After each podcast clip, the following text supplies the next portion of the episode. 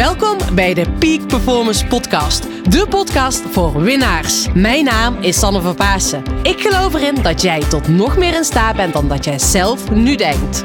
In deze podcast interview ik inspirerende gasten en geef ik tips om structureel topprestaties te leveren. Hiervoor heb je een hoge energie nodig, die je met toewijding doelgericht inzet. Niet als een eendagsvlieg, maar juist keer op keer. En dat vraagt durf en lef.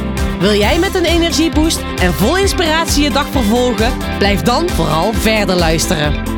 Come on and move your body now and feel the energy of life. Tof dat je weer luistert naar een nieuwe podcast-aflevering. Vandaag staat de podcast met Jeannette de Geus op de planning. En ik kan je verzekeren, dit is echt een heel mooi interview geworden van een inspirerende vrouw. En het was sowieso heel erg leuk om haar weer te ontmoeten, want we kennen elkaar ondertussen alweer langer. Dus daar ga je zo meteen naar luisteren. Maar eerst wil ik jou uitnodigen voor een uniek event wat ik ga organiseren. Namelijk op 7 februari organiseer ik een evenement speciaal voor ondernemers over het ondernemerschap. Dat is pas topsport. Ik neem je mee hoe jij ervoor kan zorgen door nog beter voor jezelf te zorgen, fysiek en mentaal, nog meer topprestaties neer kan zetten in je business. Dus op het moment dat je nu af en toe merkt van, mm, ik kom uitgeblust thuis, ik ben er niet helemaal goed voor mijn vrouw en kinderen, ehm, ik zou nog meer energie nodig willen hebben om te sporten, mijn business gaat goed, maar hoe kan ik die nog meer naar die next level brengen? Nou, ik ga je daarbij helpen, want ik geloof erin dat eh, het ondernemerschap echt topsport is en dat je nog een betere ondernemer wordt door nog beter voor jezelf te zorgen, zodat je daardoor juist nog kan knallen en kan groeien. Dus 7 februari, je kan je inschrijven in de link. En ehm, nou, ik wil voor deze, dit event, daar geef ik vier kaartjes weg. Dus laat even eh, een mailtje achter in de link via je gegevens achter. En dan maak je kans dus op dit event.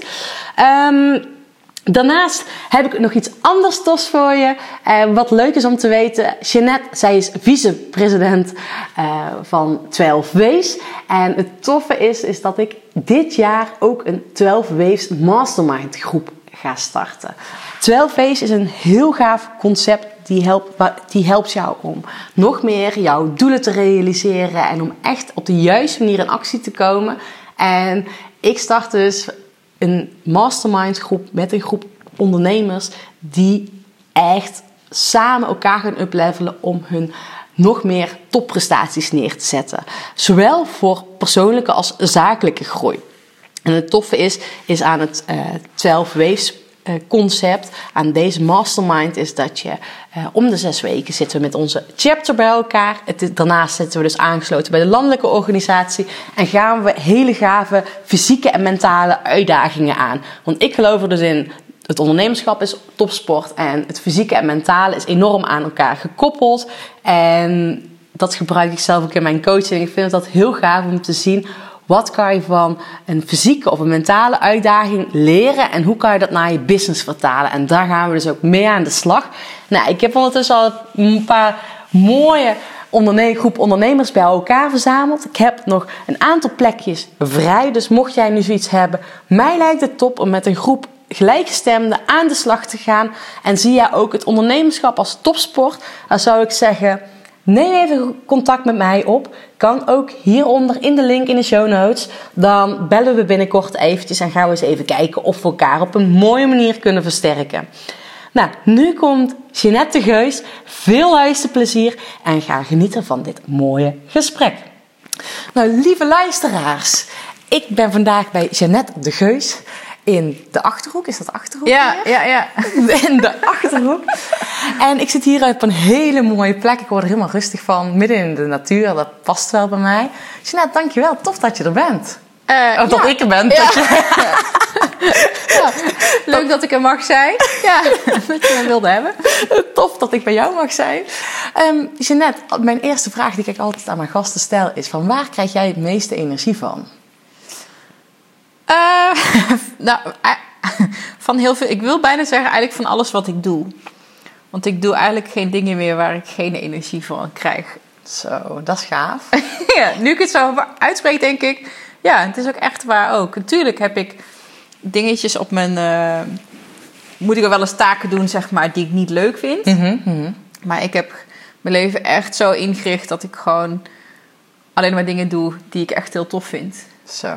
Ja. En als je dan, hè, want voor de luisteraars, wat doe je op dit moment? Ja. Ehm, nou, best wel veel. Ehm, en dat hadden we net in het voorgesprekje over. Ik ben nu eh, afscheid aan het nemen van Love Fit Food. Want dat is waar ik vier jaar geleden mijn ondernemerspad mee begon. Mijn online ondernemerschap.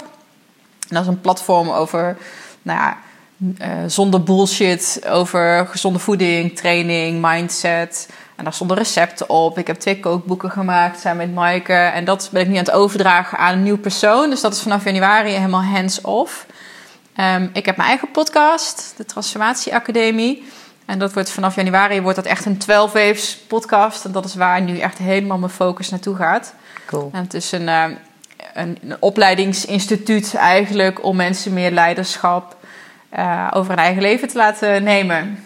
En dat doe je zelf dus ook als jij zegt, Ja, ik doe alleen ja. maar dingen waar ik energie van krijg. Ja, ja, dat is best wel bevoorrecht eh, iets. Dat is wel grappig. Ik kan me daar nooit zo bij stilgestaan. Ja, maar dat is natuurlijk hè, niet in één keer gekomen. Nee. Ehm, wij hebben elkaar al, eh, denk ik, zes jaar geleden, misschien al langer geleden, ontmoet tijdens een workshop foodfotografie. Ja.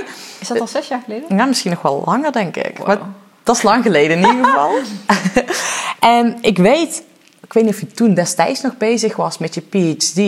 Eh, in ieder geval, ik weet dat je op, eh, je hebt een, eh, die master gedaan. Je hebt Ja. op de universiteit in Tilburg gewerkt gehad. En ik- volgens mij was je toen nog met die PhD bezig. Of uiteindelijk nog in, een keuze aan het maken. Volgens mij heb je je PhD, PhD niet afgerond. Ja, ik gestopt. Ja. Neem ons eens eventjes mee, want je bent daarmee begonnen. Ja. Ehm, Ehm, even kijken. Nou, ik heb psychologie gestudeerd. Echt ontzettend geïnspireerd in, eh, ge- geïnteresseerd in de psyche van de mens. En ik weet bij mij ook echt wel heel duidelijk waar dat vandaan kwam. Ik ben heel erg gepest, weet je wel. Dus je bent heel erg bezig met... Wat gaat er in die hoofden van anderen om? Mhm, En ik vond het wel heel erg mooi dat de cirkel rond was... doordat ik mijn afstudeeronderzoek over pesten heb eh, Oh, ja. gedaan. ja. En het was niet bewust, maar dan online pesten. Uh-huh. Ik denk, nou, dan zit cirkeltje mooi weer rond. Ehm, maar ik wilde geen therapeut worden, want dat vind ik eng. Ik denk, ja, dan, dat vind ik te veel verantwoordelijkheid over iemand zijn... eh, Ja, ik weet niet. Denk, stel dan zeg je iets en dan valt het verkeerd... of gaat iemand iets doen wat dan weer niet aan zijn herstel bijdraagt. Dus ik wilde geen therapeut worden, maar de onderzoekskant op. Ehm, dus heb ik na mijn eh, afstuderen... heb ik een eh, research master gedaan, een tweejarige master... Echt voor mensen die wilden promoveren. Want normaal gesproken als je afstudeert, dan val je best wel in een gat. En dan moet je in één keer heel veel onderzoek doen als je je PhD wil doen. Dus een hele zware master, een tweejarige master gedaan, wat echt gericht was op de wetenschappelijke kant. Dus eh, gedragswetenschap.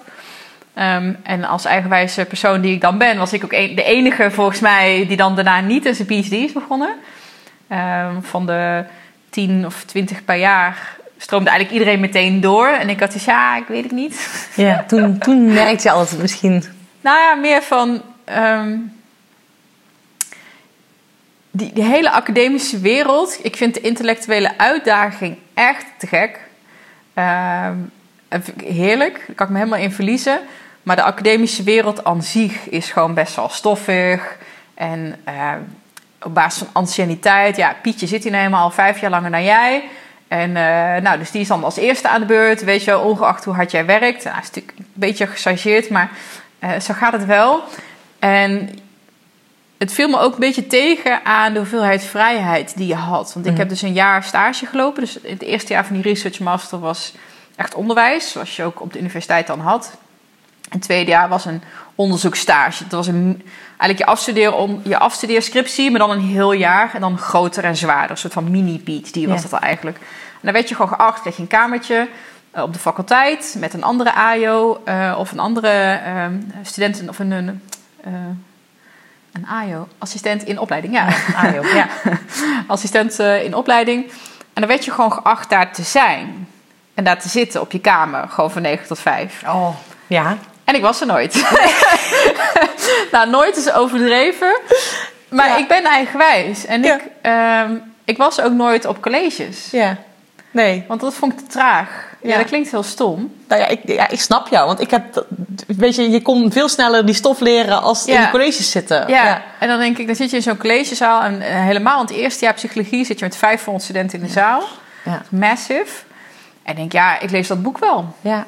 En eh, dat deed ik. En dat heb ik drie jaar gedaan. Ik las gewoon de boeken. Ja. Ik maakte het huiswerk. Ja. Ehm, en ik haalde echt super goede cijfers. En Ja. natuurlijk, hoe verder je komt in je studie en helemaal die research master, dan zit je echt met eh, nou, max 20 mensen bijvoorbeeld. Ehm, en dan moet je ook samenwerken, weet je wel. En daar viel het op als je er niet was. maar in het begin niet. Maar toen had ik mezelf dat al eigen gemaakt. Ik, ja, ik trek mijn eigen plan wel. Ja. Ik doe het wel op mijn manier, weet je wel. En ik kan nog steeds aan die normen voldoen, als ik maar niet aan het plaatje hoef te voldoen. Ja. En eh, in die research master kwam ik erachter van, oh, weet je wel, mensen zien dat ik er niet ben. Maar goed, en dan in één keer val je ook een beetje in de middenboot. Ja. Want dan ben je van de persoon die 8 en 9 haalt, dat je die in de top 10% zit. In één keer haal je 7's, want het wordt natuurlijk ook gekaderd aan de rest eh, met wie je in zo'n jaar zit. Ja. Dan denk ik, oh, in één keer ben ik normaal. Dat was ook even slikken. Ehm, dus eh, in die onderzoeksperiode, ja, ik deed mijn onderzoek. En ik heb volgens mij echt heel tof onderzoek gedaan. Ik heb een veldexperiment gedaan over online pesten. En dan ehm, heb ik een, een mood-interventie gedaan. Dus ik heb uiteindelijk twee klassen, twee scholieren, twee groepen scholieren... heb ik een filmpje laten zien van Jungle Book... Oh ja? En waar ze heel vrolijk van werden. Ik heb helemaal getest in Ja. een laboratorium en zo. Echt helemaal wetenschappelijk verantwoord, onderbouwd, gecontroleerd. Volgens alle normen. Van, oh, mensen worden hier echt daadwerkelijk gewoon blij als ze Ja. dit zien. En ik had een filmpje uit Grave of the Fireflies. Uh-huh. Een hele depressieve Japanse tekenfilm. En ik denk, oké, ik heb hun, ik beïnvloed hun stemming. Ja. En daarna ga ik met ze chatten. Ja. Toen was het nog op MSN. Oh ja? Dat is lang geleden, ja. Ja, op MSN. eh, zogenaamd in een drie, drie gesprek, drieweggesprek, waarin die derde persoon, dat was ik ook, ik zat op twee computers. Een chat, oh, ja. my god, Ja. als ik erover nadenk.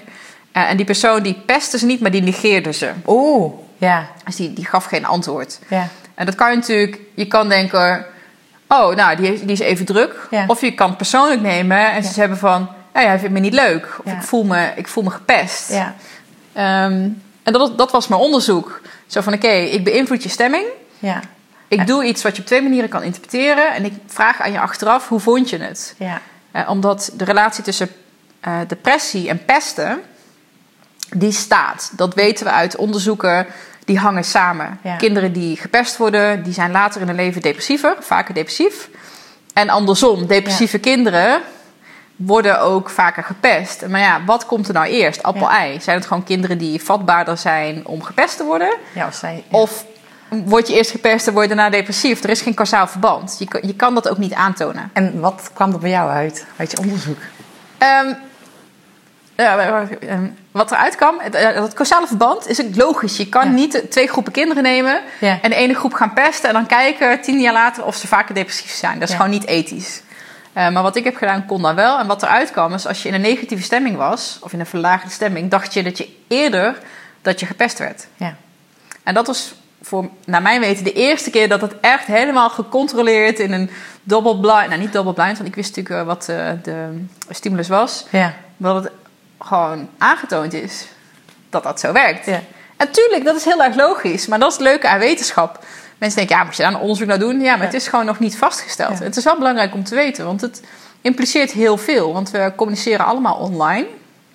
En eh, WhatsApp nog steeds, weet je, je kan een appje altijd op twee, drie, vier, vijf manieren lezen. Net hoe, jij op dat moment staat. En dat is super krachtig. Ja, dat is super interessant om te weten En natuurlijk. ook nu denk ik, ja, bij alles ook waar ik me nu mee bezig ben, dat hele mindset verhaal. eh, ook de law of attraction en alles. Weet je wel, je, je trekt aan wat je uitstraalt. Ja. En op het moment dat jij lekker in je vel zit, dan lees je dat appje op een andere manier. Ja.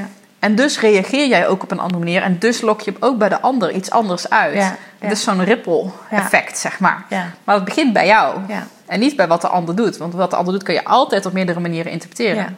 Ja. Ja, jij bent de interpretatie van je eigen werkelijkheid. Ja, ja, dus ja. dat is Ja. super Ik had interessant. helemaal niet de link gelegd dat dat nu nog steeds iets is waar ik me ook echt mee bezig hou. Maar ik vind het heel leuk, want je bent dit aan het vertellen en je ziet gewoon jezelf nog steeds glunderen en dat je trots bent op wat je... Ik was helemaal, Ja. ik was het bijna vergeten. Ja. ja, ja, oh leuk. Ja, vind ik heel mooi. Maar wat ik ook nieuwsgierig, want net zei je dus, hè, tussen neus en lippen door, zei je van, joh, ik, ik, als student zijnde koos ik mijn eigen pad, Ja. haal ik toch negen. Goede punten. Tijdens mijn research master eh, viel dat hè, een beetje op en eh, merkte je ook van, oké, dat je iets lager punten ging halen, dat het ook wel wennen was om weer in die middelmoot Te ja. zitten. Waarom is dat destijds, en misschien nu ook nog wel eh, voor jou belangrijk, dat je, eh, dat je eigenlijk wil presteren? Ja. Of op destijds, hè? waarom was dat belangrijk voor je? Nou, ik zei het al, ik, ben natuurlijk gepest. En ehm, nou goed, er zijn natuurlijk heel veel kinderen die, eh, die gepest worden. Ehm, ik heb daar best wel wat werk op verzet. Als ik kijk naar mijn geschiedenis. Ik ben, want ik heb in een, zeg maar van mijn vijftiende tot mijn 25ste heb ik best wel veel drugs gebruikt. Ehm, ik heb ook echt een afkiktraining work, eh, gevolgd Ja, bij ja. eh, Kentron. Dat is een soort uh, Jellinek-achtige Mhm. toestanden. Ehm, ik ben mezelf heel erg kwijtgeraakt. Ja. Zo, eh, als ik later op terugkijk, ik denk ik was gewoon heel rebels eigenlijk naar mezelf toe. En bij alles wat ik nu ook weet, ook bijvoorbeeld over de psychologie van het eten, dat is echt een manier geweest om iets recht te zetten, eigenlijk. Ehm, die, inner, die innerlijke rebel, zeg maar. Ja. Nou, dat is misschien even een klein leuk zijspoor, want in de psychologie van het eten ehm, komt dat ook heel sterk terug. Ehm, op het moment dat iemand over jouw grenzen heen gaat, Mhm. of jij niet tot je recht komt, je niet kan uiten, je wordt beperkt, zeg maar. Wij als mensen willen dat niet. We hebben ook een heel sterk mechanisme eigenlijk om dat tegen te gaan. Je wil niet onderdrukt worden. Je wil ja, niet beperkt, ingekaderd, ingeperkt worden of, of onderdrukt. Ehm, we hebben een innerlijke rebel die het voor ons opneemt. En die is heel krachtig en die is heel erg mooi. Maar die innerlijke rebel, als je niet tegen je moeder durft te zeggen, bijvoorbeeld van: hey, weet je wel, eh, give me some space. Of tegen je vriend of je klasgenoot, whatever. Dan kan die rebel zich ook tegen jezelf keren. Weet je, dan, oh, Ja. dan rebelleer ik tegen mezelf. Het is nog Ja. steeds die rebel. En als je kijkt naar waarom mensen hè, met diëten, met voeding, het vaak niet lukt van: oh, nu ga ik nooit meer snoepen. Dan gaat die rebel opstaan en die zegt: nooit meer snoepen. Maar wacht eens even, jij gaat mij niet vertellen wat ik wel niet kan doen. Dus ehm, ik denk dat mijn hele periode van rebelsheid ook een soort van eh, manier was om dat soort van te vergelderen. Wat er daarvoor, nou, er is niet echt iets gebeurd. Ik heb geen heftig verleden of zo. Ehm, maar dat hij ook een beetje tegen mezelf heeft gekeerd. Een soort van mezelf heeft gesaboteerd. Omdat ik niet in staat was om aan de buitenwereld duidelijk te maken waar mijn grenzen lagen. Mhm, mhm. Heb ik dat heel erg op mezelf. Dus was een beetje jouw manier van het verwerken. eh, Ja, voor, me, voor mezelf opkomen. En dat is heel dubbel. Want je komt voor jezelf op. Maar omdat je dat niet naar de buitenwereld durft te uiten... ja. eh, slaat dat zeg maar een soort van, eh, een soort van backlash op jou. Ja, Want je ja. wilt toch rebels zijn. Dus als Ja. je zegt ik wil nooit meer snoepen of ik wil nooit meer drugs gebruiken, Ja. eh, dan hij van nou, haha, nee, wacht even. Terwijl eigenlijk moet dat rebelse zich tegen die buitenwereld, moet je daar voor jezelf opkomen. ja, tegen, niet tegen jezelf, maar En niet tegen jezelf. Ja. Ja. Dus dat is heel, een heel mooi en eh, interessant mechanisme. Dus ik heb mezelf daar een beetje in verloren. En daarvoor ja, zes jaar lang gepest. En best wel Mhm. intensief gepest. Ik ben in Duitsland geboren. En toen ik 4,5 was, kwam ik naar Nederland. En ik was gewoon een beetje de weg kwijt. Als, dus best wel een formatieve periode. Ehm, ik had hier natuurlijk geen vrienden. Nee. Ehm, en eigenlijk al vrij snel gepest, want je komt uit Duitsland. En toen leerde je net over de Tweede Wereldoorlog eh, op de basisschool. natuurlijk, en dan ja. was je de Duitser. Maar jij sprak ook Duits. Ehm, volgens mij sprak ik nou al wel Nederlands. Mhm. Mijn broertje leerde echt praten toen hij naar Nederland kwam. Die heeft het eerste half jaar gewoon niks gezegd. Echt? Ja, die, zat, die wilde net leren of beginnen met praten. En die was natuurlijk helemaal van slag. Zo van, wat de fuck met een Andere taal.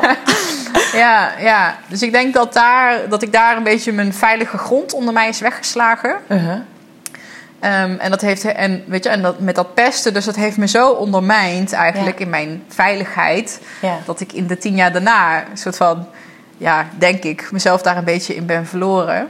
Ehm, dus om, dat is een heel uitgebreide manier om op je vraag antwoord te geven van waar komt die bewijsdrang dan vandaan? Ja. Daar vandaan. Ja. Omdat ik wilde laten zien, van, ja, maar wacht eens even. Ik ben wel slim en ik ben wel eh, iets waard. Ja. En ehm, ik heb met mijn vader wel eens een gesprek over gehad. Die heeft toen ik... eh, ik kan echt precies pinpointen waar het vandaan komt. Ja? Ja, ik was dus in Duitsland geboren. Ik kwam naar Nederland. Ik kende hier niemand. En ik weet dat ik eh, eh, kennis ging maken met de kleuterklas. Met die eerste juffrouw die ik zou hebben. Mhm. En dat ik aan haar vroeg, wil je mijn, of wilt u mijn vriendinnetje zijn? Of wilt Ja. u mijn vriendin zijn? Ik weet nog dat dat heel vertederend moment, dat ze dat heel schattig vond. Dus dat staat me echt bij. Zei, ja, natuurlijk wil ik dat. Ja. En ik weet niet eh, of dat misschien een jaar of een week of een maand later was, dat weet ik niet. Maar ik zat op een gegeven moment thuis en ik wilde lieve juffrouw opschrijven. Want we leren dan hè, eh, schrijven. Ja. En toen schreef ik lieve met een F. Ja. Gewoon L-I-E-F-E, lieve juf. Ja. En toen zei mijn vader, wat ben jij stom zeg. Oh, echt? Ja, het is met een V. Ja. Maar goed. Eh, weet je, we zijn allemaal mensen. en Ik heb het hem vergeven, vergeven. Maakt niet uit, weet je. Ja. Voor mij, hij wist het ook helemaal niet meer. Voor mij was dat echt, en ik snap het wel, weet je. Ik had niemand, ik had de Nee. juffrouw. Wilde iets voor de juffrouw schrijven. En mijn vader vond dat stom. Nou, Ja. als kind Ja, is dat natuurlijk gewoon... Ja, en vooral ook nog als je op dat moment wellicht net naar Nederland bent gekomen, al niet Juist. helemaal hoog in eigen energie zit. En jij zegt het ook zo, ik voel het gewoon, weet je wel, Ja, ja, impact het- ja, dat heeft massive impact. En dat is echt jarenlang nog gewoon dagelijks ergens onbe- op, op de achtergrond ook door mijn hoofd eh, gegaan. Dus als je mij vraagt van ja, waar komt dat vandaan? Nou, ik weet zeker dat dat, dat daar vandaan komt. Plus dan weet je wel, eh, het pesten erbij. Dus ik had- had super lage eigenwaarde, super laag zelfvertrouwen. Ja. Gewoon, ik wilde er... Ik was echt zwaar depressief als tiener. Zo. Ja, Ja. ja, het is echt heel... eh, eh, verslaafd geraakt aan eten, aan, eh, aan, aan drugs, aan foute mannen. Weet Ja. je wel, ik was helemaal ontspoord in dat opzicht. En ehm, eh, het is echt raar, want het, als ik het nu vertel, klinkt het echt als een vorig leven. Want het is zo niet meer wie ik nu ben. Ja. Ehm, maar daar, dat stukje bewijsdrang, zeg maar. Zo, ja, ik ben niet stom. Nee, ja, dat, dat je wil bewijzen. En misschien Ja. ja. naar je vader van, ik ben niet stom, ik kan wel wat. Hè? Ja, Elke ja. keer. Ik Eh. heb er nog wel eens mee geconfronteerd. geconfronteerd. Ehm, als je met zelfontwikkeling bezig gaat, dan kom je ook eh, vroeg of laat een keer tegen, weet je wel, gesprekken aangaan met mensen, vergeven en vergeten. Of nou, vergeven, eh, vergeten hoeft niet. Om dat uit te spreken. Dus ik, ben helemaal, ik heb niet zo'n supergoede band met mijn ouders. Eh, ze hebben bij elkaar geroepen en dat ook gewoon verteld. Van joh, Ja. weet je, dat heeft me echt dwars gezeten. En dat heeft heel lang in mijn hoofd gesluimerd. Maar it's fine, weet je wel. Ik wilde uitspreken dat is van, ik vergeef je. Ja. Los van, je bent gewoon een mens, weet je wel. Ja. Mijn vader die wist ook niet. Nee. Als ik kinderen zou hebben, zou ik waarschijnlijk de ene fout naar de andere Ja. maken. En dat is oké, want we zijn allemaal gewoon mensen. Ja, en je weet ook niet hoe hij in zijn energie heeft gezeten. En wat Oh, er net op dat moment Nee, bij hem speelde. Waardoor hij... eh, eh, Ja, tenminste, ik kan me ook voorstellen als nu mensen in mijn omgeving zie met kinderen en heel veel werken en et cetera. Dat ik denk, ja, dat kan ik me voorstellen. Niet altijd even subtiel reageert. Nee, natuurlijk niet. Ik bedoel, en hij... eh, aan de andere kant, mijn vader is getrouwd met een Duitse. Net na de Tweede Wereldoorlog. Eh, Ja, hij had shit of his own om mee te dealen. Dus eh, weet je, die had het ook. Die had het niet breed. Ze hadden Nee. het zwaar, weet je wel. Er was ook heel veel onbegrip in de familie. Ja. Nee, ja, dat is no blame. We zijn allemaal gewoon mensen. Ja. Goh, dat het is wel belangrijk omdat ik... Ik ben natuurlijk al best wel lang bezig om mezelf... Nou, nu, nu niet meer, maar wel om een fijn leven voor mezelf te creëren. Heel bewust. Ehm, dat waren, dus daarom zeg ik van, ik heb daar veel werk op verzet. Ik ben wel echt, echt gaan reflecteren en heel diep gegaan van... Goh, waarom ben ik zo? Weet je wel, dat stukje zelfvertrouwen zat me dwars. Ja. En ik ik, ben er aan de slag mee gegaan. je bent ermee aan de slag gegaan en dan kom je dat soort dingen tegen. Maar daar ben ik wel nieuwsgierig naar. Want wat was dan het moment dat je dacht...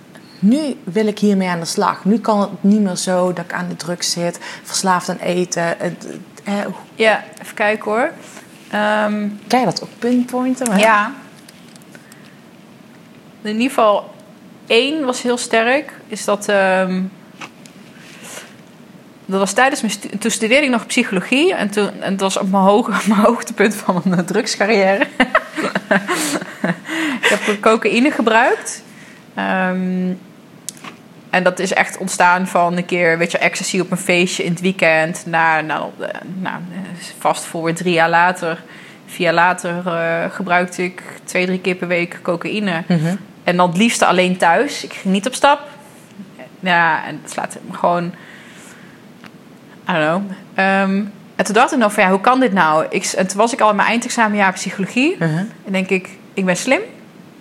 Ik weet dat er meer nadelen dan voordelen zijn. En het lukt me niet om, hiervan, om Ja. hiermee te stoppen. Weet je, het heeft nog een, een nut. En op een gegeven moment had ik weer zo... En dan toch elke keer weer doen terwijl ik het eigenlijk niet wilde. En weer doen terwijl ik het eigenlijk niet wilde. En weer doen terwijl ik het eigenlijk niet wilde. Gegeven moment dacht ik van ja, oké. ik heb de telefoon gepakt. Heb ik dus eh Kentron eh, gebeld om een intake te plannen. En dat was Ja. voor mij... Dat toegeven, dermate het dieptepunt. Ja. Eh, dat dat voor mij het moment was, oké, en nu is het geno- genoeg. En toen moest ik nog op de wachtlijst. Ik heb toen zes weken of zo moeten wachten om te Mhm. beginnen. En in die zes weken, dat telefoontje is ook het laatste moment dat ik heb gebruikt. Daarvoor, dus daarna gewoon niet meer. Nee, dat is eigenlijk al heel veel geweest. Ja, dat moment van die hand uit willen steken, Ja. van hey, help mij. Ja. En dat je eigenlijk dat toegeven aan jezelf dat je verslaafd bent, dat je Ja. niet alleen kan. Dat was voor mij de knop om, om het niet meer te doen. Ja, mooi is dat. Dat vind ik ook wel mooi, hè? Wat een psychologisch effect Ja. heeft om alleen al die hand uit te steken. Ja. Om hulp te vragen, dat dat er vaak al genoeg... Of ja, hè? Uiteraard dat traject en dat traject... En dan niet aan vrienden, familie, Nee, maar maar, dan... maar echt aan zo van: oké, als ik nu bij jou aanklop, dan weet ik dat er no way back is, zeg Ja. maar. Ja. dat is wel heel mooi. En ehm, jij bent dat traject ingegaan, maar waar vervolgens eh, is dat volgens mij ook een beginpunt geweest van je echt je persoonlijke ontwikkeling en nog een, nog een, ja, een reis tot jezelf, tot het leven wat je nu hebt. Alleen maar dingen doen waar je energie van krijgt. En eh, hè, dan zit je nu dus hier. Wat is na dat traject nog meer gebeurd? Ehm, eens even te denken, want dat is volgens mij 2006 of zo geweest. Ja. Ehm, En toen was je nog bezig, want toen ben je vervolgens ja, ook nog in je... 2008 ben ik afges- afgestudeerd van die Research Master. Ja, daarna gewoon in een wat rustiger vaarwater, weet je, je relatie, samenwonen. En je, ik ben toen dus niet aan die PhD begonnen, omdat ik, ik merkte van, hé, ik word erop aangekeken. Ik heb hier geen vrijheid. Ja. Ik moet hier van 9 tot 5 zijn, dat voelt niet goed. Ik wil gewoon mijn eigen plan trekken. Ja. Ik ben toen les gaan geven op een HBO. Mhm. Onderzoeksvakken statistiek, want ik was heel goed in statistiek. Ja. Ik ben ook echt studentassistent geweest tijdens mijn hele studie. Omdat ik zo goed was in de statistiek. Dat ik gewoon dan de eerdere jaren daar een les in kon geven. Ehm, en daar had ik wel veel vrijheid. Ik bedoel, je moet natuurlijk je lessen geven. Ja. Alleen ja, als docent zijnde, sure, je moet er zijn. Ja. Maar je wordt daar niet afgerekend. Het is niet inklokken, uitklokken. Ja, je hebt je verantwoordelijkheden en die moet je uitvoeren. En je moet eh, beschikbaar zijn. Maar ja, dat was daar redelijk in en uitloop. Dat was echt heel erg fijn. En toen kwam eigenlijk dat stukje van... oké, maar nu wil ik ook met mijn lichaam aan de slag. Ehm, want ik vond mezelf eigenlijk altijd een beetje te chubby. Eh, De chubby? ja, weet je, ik was nooit dik. Nee. Ik, eh, mijn zwaarst was ik eh 8 kilo zwaarder dan nu, zeg Ja. maar. Ehm, maar ik voelde dat ik ook echt wel verslaafd was aan eten. Ja. Echt verslaafd aan, aan comfortfood. En, ehm, en dat ben ik nog steeds. En dat is echt de zwaarste verslaving volgens mij ooit om vanaf te komen. En, en comfort food, ik denk dat heel veel luisteraars zichzelf misschien ook wel in kunnen herkennen. Hè? Want neem ons eens even mee van waar, wat eet je dan precies? Of wat, wat- Ja, ja ik had, ik had nou, eetbuien. Er zijn mensen die hebben echt, echt, echt eetbuien. Ja. Dus dat ze echt zichzelf helemaal vol proppen. Ja. Eh, ik had ook echt eetbuien. Eh, maar niet tot in de extreme, eh, zoals je sommige verhalen wel eens zo hoort. Maar ehm ik kon gerust eh, drie keer per week eh, pizza eten. En waar het zich... En dan diepvriespizza. Met veel kaas. Geen goeie. Ja. Nou, waar het zich bij mij in uit is gewoon eten terwijl je geen honger hebt. Ja. En voor iedereen die heel bewust is van zijn lijf, ik snapte dat ook nooit. Mensen, weet je, ik, ik kon altijd eten en ik, het zat me gewoon dwars. Ja. Van waarom eet ik nu? Ik zit vol. Er is geen enkele aanleiding, lichamelijk gezien, nu om te eten. En toch eet ik. En dat snapte ik niet. en dat zat me dwars. En dan wil je eigenlijk afvallen. Dus dan ga je Ja. eh, hardlopen, weet je wel. En dan ga je proberen te diëten. En ik, ik, ik heb met Love Fit Food ook allemaal seminars gegeven. En laat ik, liet ik altijd zo'n briefje zien wat ik op de koelkast had geplakt. Oké, s ochtends eh, yoghurt Ja. Met fruit. En als middags eh, twee boterhammen of een salade. En dan warm eten mocht ik dan van mezelf. En dan na acht uur niks meer eten. Ja. Oeh. Stel je Dan, kom je aan. Stel je toch eens voor dat je na acht uur s'avonds at. Ja. Nou, ik weet inmiddels... Dat was echt een hele zoektocht geweest dat het niet zo werkt. En dat die psychologie van het eten... eh, onder andere zo'n innerlijke rebel... maar nog Ja. veel meer mechanismes... ehm, voeding is zoveel meer dan alleen maar brandstof. En zoveel meer dan dus alleen maar een rationele Mhm. oplossing... van, Mhm. oh, calories in, calories out... Ja. Eh, en dus als ik, maar, als ik maar weet hoeveel ik moet eten, dan lukt het me ook. Ja. Nee. Ja. Nee. Het is ook een Nee. stukje gevoel. Maar Ja, we zijn niet alleen maar biologische machientjes. We Nee. zijn ook emotionele wezens, we zijn spirituele wezens, we zijn sociale wezens, Ja. we zijn van alles en nog wat. En om een, uit die hele gelaagdheid te kiezen, oh, we zijn ook biologie. En mijn interventie gaat puur op biologie. Zoveel gram eiwit, zoveel gram koolhydraten. En dan kom je er wel. En dat kan, want dat werkt.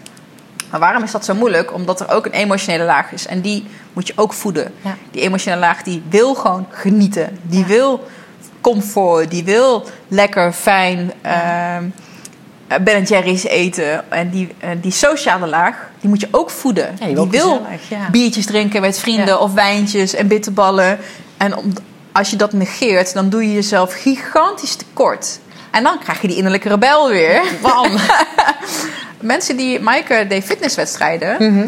Iedereen die zich helemaal afdieet voor zo'n, om zo'n podium te gaan staan. En dat hou je twaalf weken vol.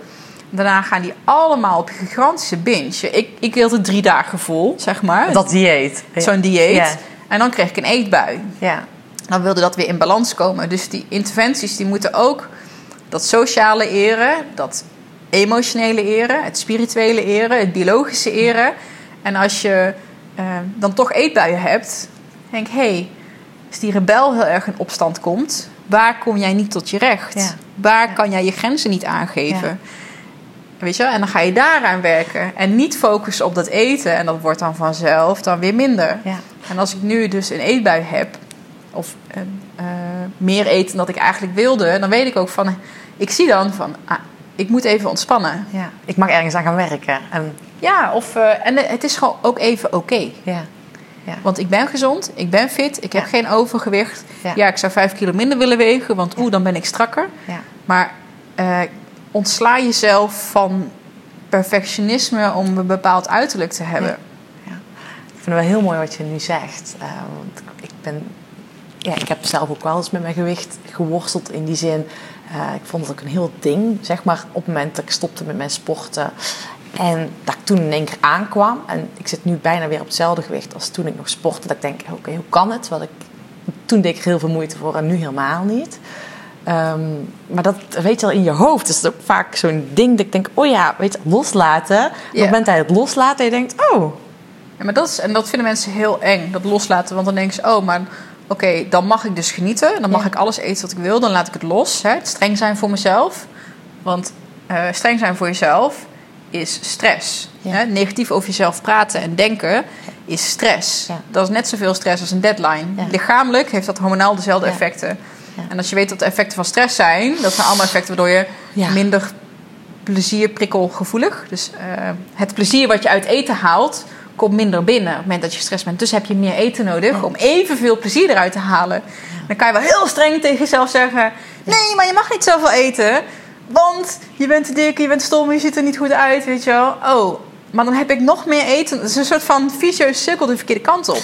Ja, is- als je dat dan loslaat, en mensen zijn heel erg bang van, oh, dan ga ik alles eten wat los en vast zit. Denk ja, maar loslaten is niet hetzelfde als geen verantwoordelijkheid meer nemen. Nee. Want je bent nog steeds volwassen. Ja.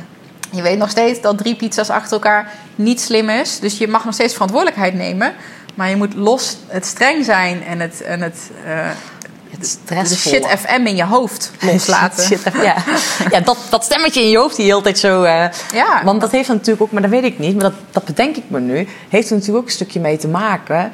Eh, maar daar ben ik heel nieuwsgierig naar hoe jij dat dan kijkt. Met stress zit, kom je echt in je vlu- vechten-vluchten-modus. Ja. En dan wil je lichaam liefst ook snelle koolhydraten hebben van dat je weet dat in die actiemodus zit. En als je continu in die stress zit, dan groep je ook een ander energiesysteem aan dan dat jij in die ontspanmodus zit. Ja. Of heeft dat er... eh, Ehm, nou, er zijn een paar dingen die, die ik weet. Volgens mij is het een heel complex eh, systeem sowieso. Maar je hebt eigenlijk grofweg twee energiesystemen. Je zit Ja. aan of je zit uit. ja. Ja, dus je, je parasympathisch of je sympathisch zenuwstelsel. Dus je bent klaar om in actie te komen. Ja. En je bloed zit in je armen, en in je benen en in je hoofd. En je staat aan. En als je echt gestrest bent, dan nog veel meer, weet je wel. Want dan moet je echt eh, in actie komen. Of je staat uit. Je bent ontspannen. En je kan je eten pas echt verteren... en alle voeding, voedingsstoffen opnemen als je uitstaat. ja. Ehm, dus voor een optimale spijsvertering, maar ook optimale opname van voedingsstoffen, moet je uitstaan. Nou, wat is nu de snelste manier om uit te komen te staan? Is een volle maag. Dus voor heel veel mensen is letterlijk voeding is ontspanning. Want Ja. je propt jezelf vol en je denkt, ah, Ja. en je zit op de bank. Ja. Dus eigenlijk is het andersom. Eigenlijk moet je eerst ontspannen en dan gaan eten. Maar eten is een manier om te ontspannen. Dus dat is één. En vaak eet je dan ook meer, want je moet aan uitkomen te staan. Ehm, ja, en dat signaal gaat niet zo snel. ja, ja, dat. Dus eh, dat is belangrijk. Op het moment dat je, eh, als je bloed in je ledemaat zit, zit het dus niet in je darmen. Dus je opname van je voedingsstoffen is niet optimaal. je lichaam is super slim. Omdat je gewoon die stress hebt en je voedingsstoffen niet goed opneemt, gaat dat lichaam vragen van hé, hey, ik kom eh calcium tekort, ik kom dit tekort, ik kom dat tekort, eiwitten tekort. Eh, Wij horen dat signaal niet, wij horen alleen maar honger. Eten, eten, trek. Het erge is, dat signaal zegt eigenlijk alleen maar zoet, zoet, zoet. Ja, ja. Tekort aan eiwitten uitzicht in zoete trek. Tekort aan gezonde vetten uitzicht in zoete trek. Ja. Dus dat signaal, wij kunnen die vertaalslag niet zo heel goed maken. Dus veel stress, het neemt minder goed op. Het lichaam gaat vragen om voedingsstoffen. Wij denken eten. En dan kan je met heel veel wilskracht... Ja, dat wil ik niet, dat wil ik niet. St- is stress, stress, stress. Ja. Dus het is een soort van. Eh, cirkel wederom... Ja. waar je heel moeilijk uitkomt. En wat is dan de oplossing? Door niet te focussen op voeding... maar te focussen op ontspanning... Ja. Eh, ademhaling, slaap, water, gewoon hele en, en eh, genoeg eiwitten, genoeg gezonde vetten om ervoor te zorgen dat dat lichaam in ieder geval genoeg heeft. Ja. Dus het is een heel geleidelijk proces weg van stress. Dus ik weet niet zozeer dat het lichaam dan echt gaat roepen om snelle koolhydraten. Maar sowieso, het lichaam is in een bepaalde staat die niet optimaal is Mhm, mhm. Voor ehm, spijsvertering en opname voedingsstoffen. Nee. En het ontvangen van plezier. Ja.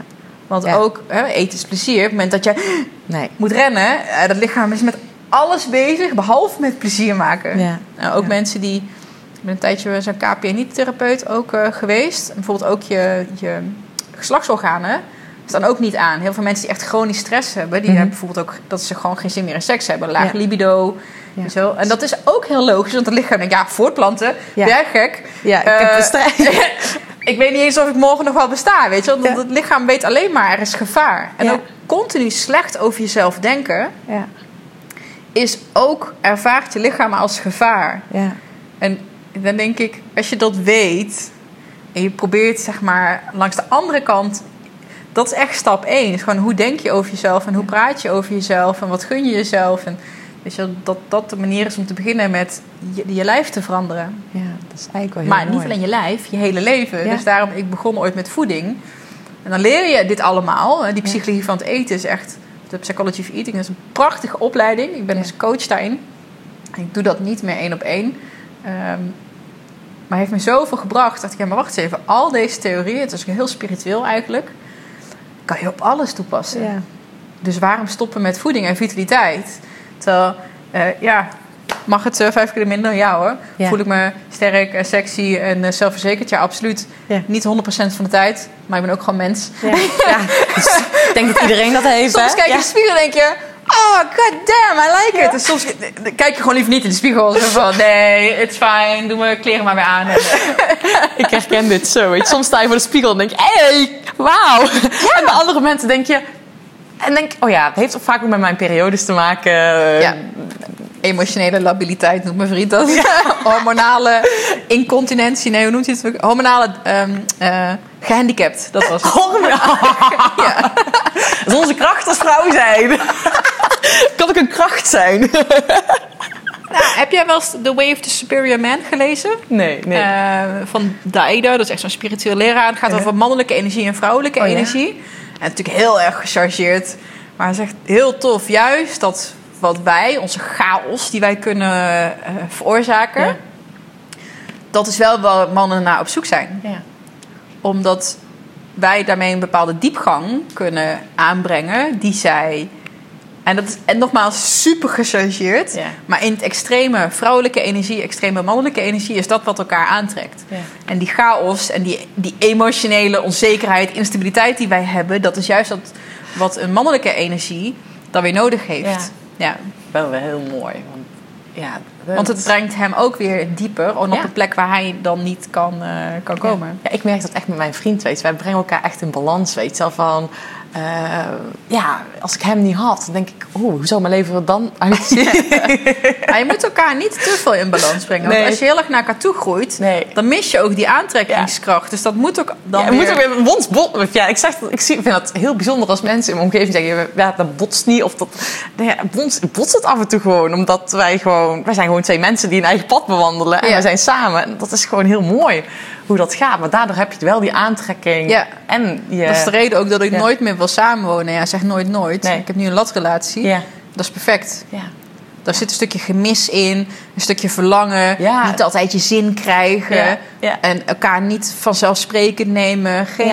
En dat is een heel belangrijke regel voor mij: geen aannames doen, Ja. eh, niks persoonlijk nemen. Dat zijn echt leefregels voor me geworden. Ja. En moment, eh, we zien elkaar twee, drie keer in de week. Dan kiezen we ook heel bewust ervoor om bij elkaar te zijn. Dan doen we ook niks anders. Ja. Eh, Dat is echt ik heel heb mooi. vijf keer samen gewoond. Eh, dus dat sluipt erin. Want je bent iets aan het runnen, een huishouden aan het Ja. runnen. En, zie, en dan eh, groei je een beetje naar elkaar toe. En zie het dan nog maar als leuk en spannend te houden. En uitdagend te houden. Want je wil in harmonie iets runnen. Of kinderen opvoeden.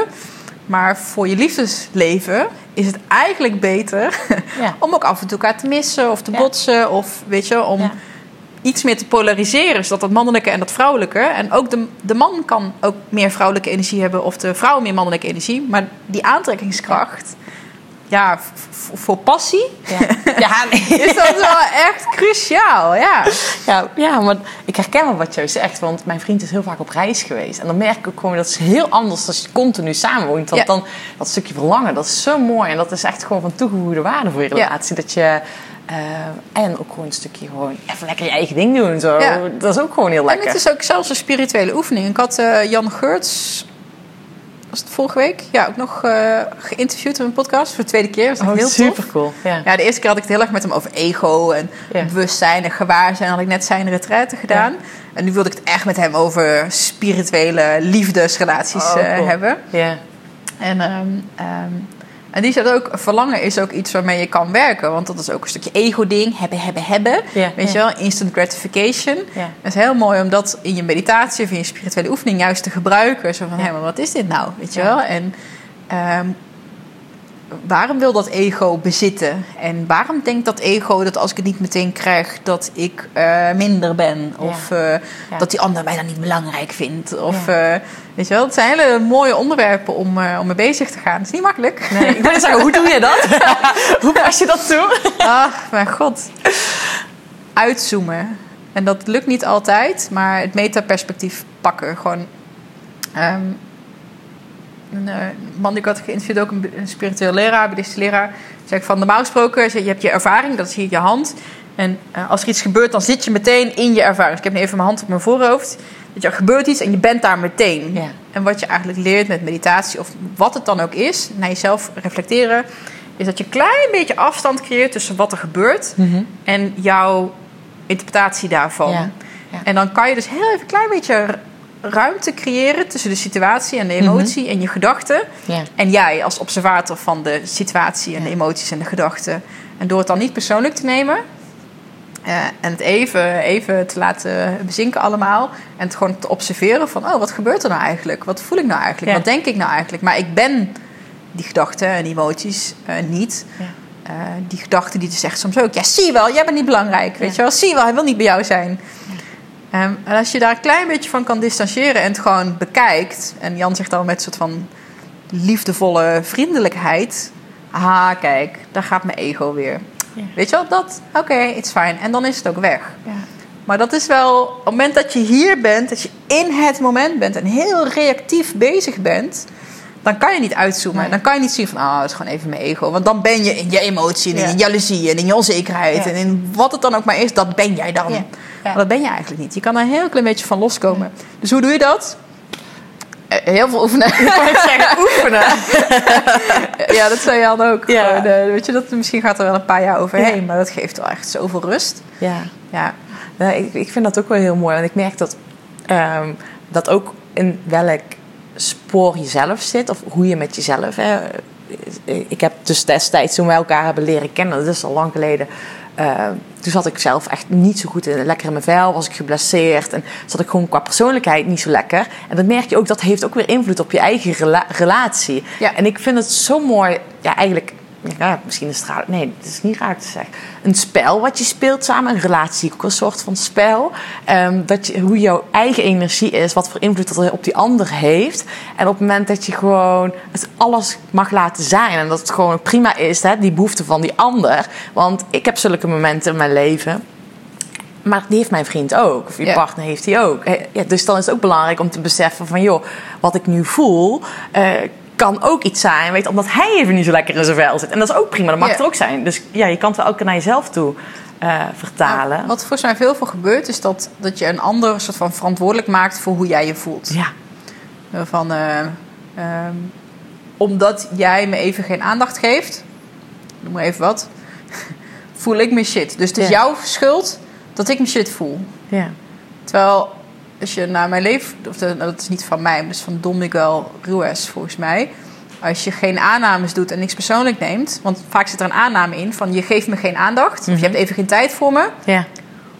omdat of want. Je- We plakken daar iets op. Als mensen niet meteen terug appen... Mhm. dat is een heel makkelijk eh, voorbeeld. Dan zie je dat het gelezen is... Ja. En dan ga je allerlei verhalen bedenken waarom die persoon nu niet of niet terugbelt of niet antwoordt of niet terugmeldt, wat het dan ook is. En dat is altijd, zeg maar, negatief. ja. Eh, bijna altijd. Niet helpend Eh, in ieder geval. Ja, en, en dus je doet een aanname zo van, oh, daarom doe je dat niet. Je wil me gewoon even niet zien of zo. Of je hebt belangrijkere dingen te doen. Mhm.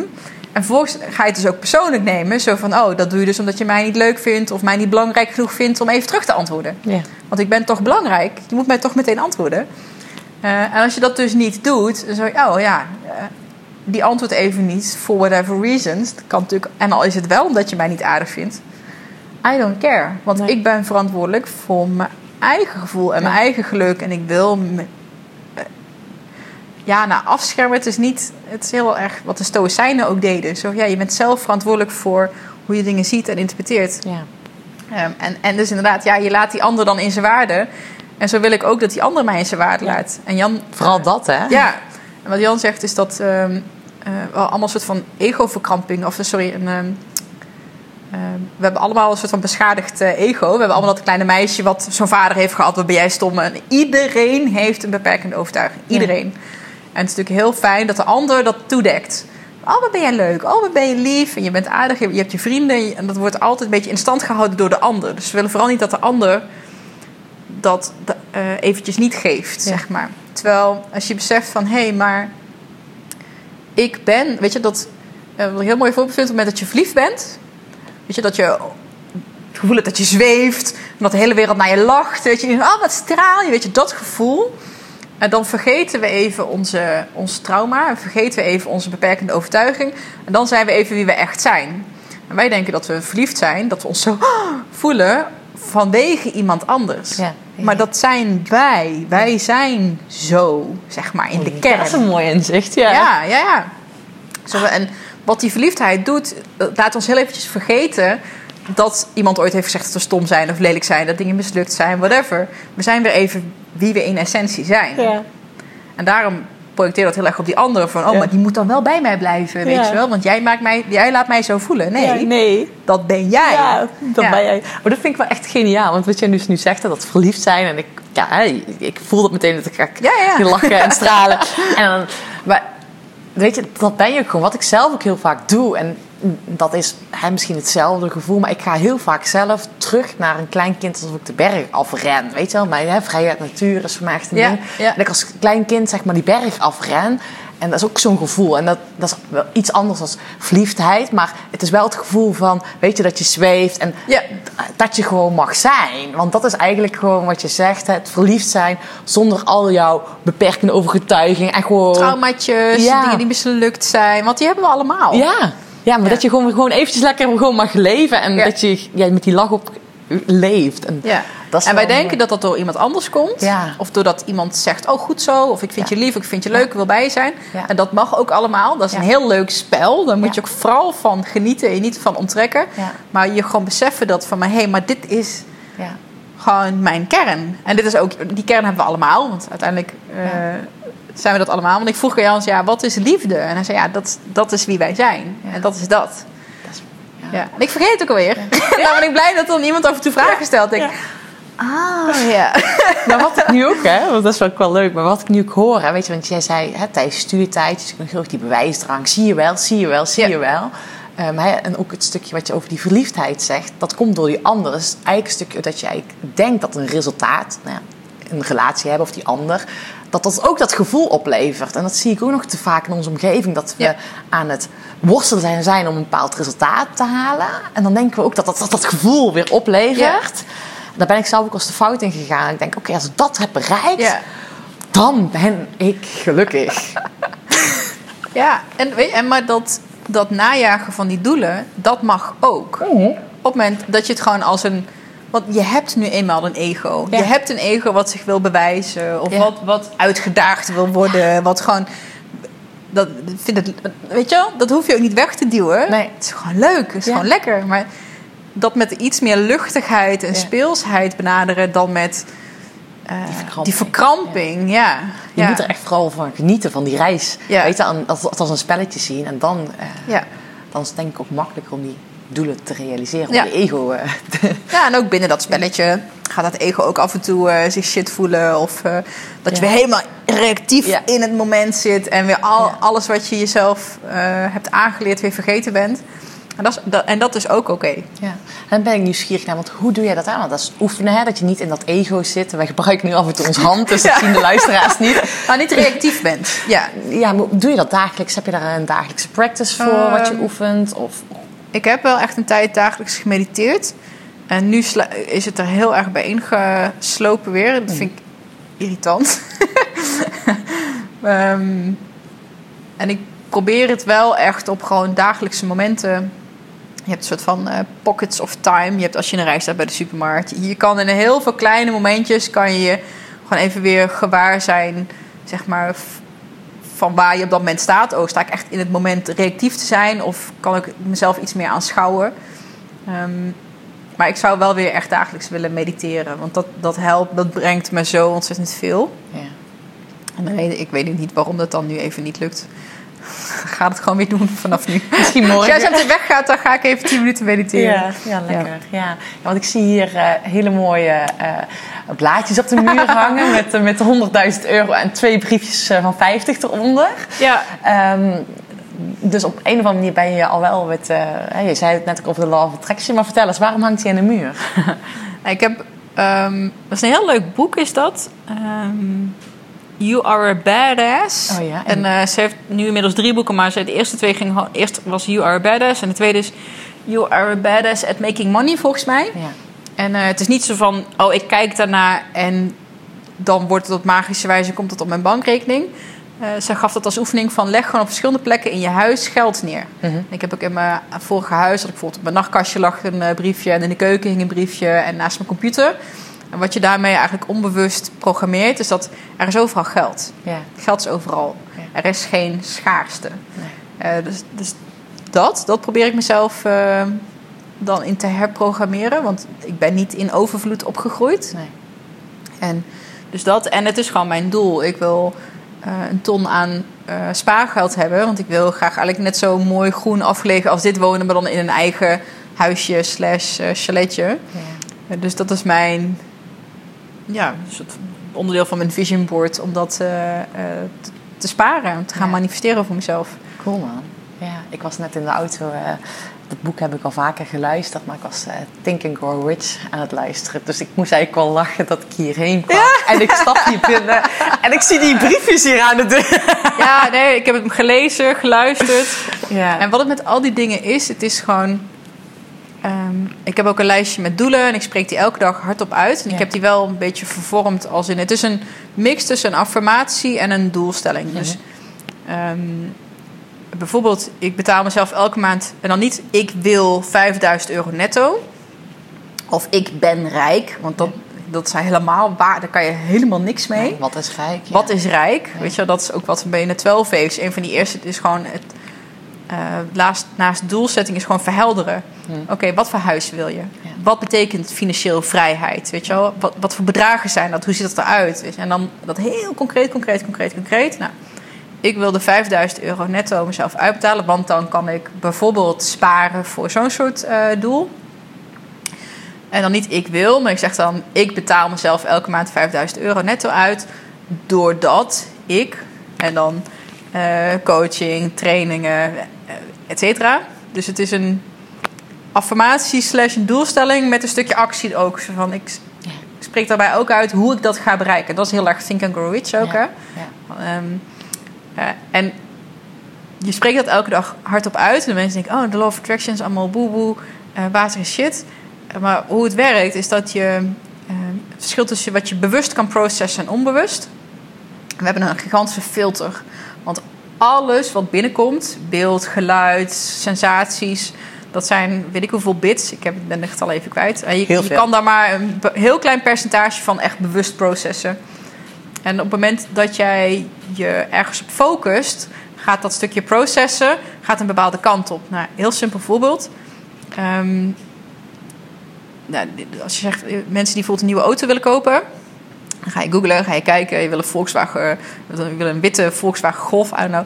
En dan zie je overal zie je die auto rijden. En dat Ja. is niet dat dan op magische wijze het universum eh, besloten heeft om Die auto's voor je neus auto jou te manifesteren, maar je, je bekijkt de werkelijkheid op een Ja. andere manier. Ja, je die ziet in één keer die waren er altijd al, maar nu spot jij ze. Ja. En ehm, soms zien mensen ook wel eens, ja, ik, ik heb een parkeerplaats voor mezelf gemanifesteerd. Ik zag dat een tijd terug ergens, dacht ik, nee, dat manifesteer jij niet.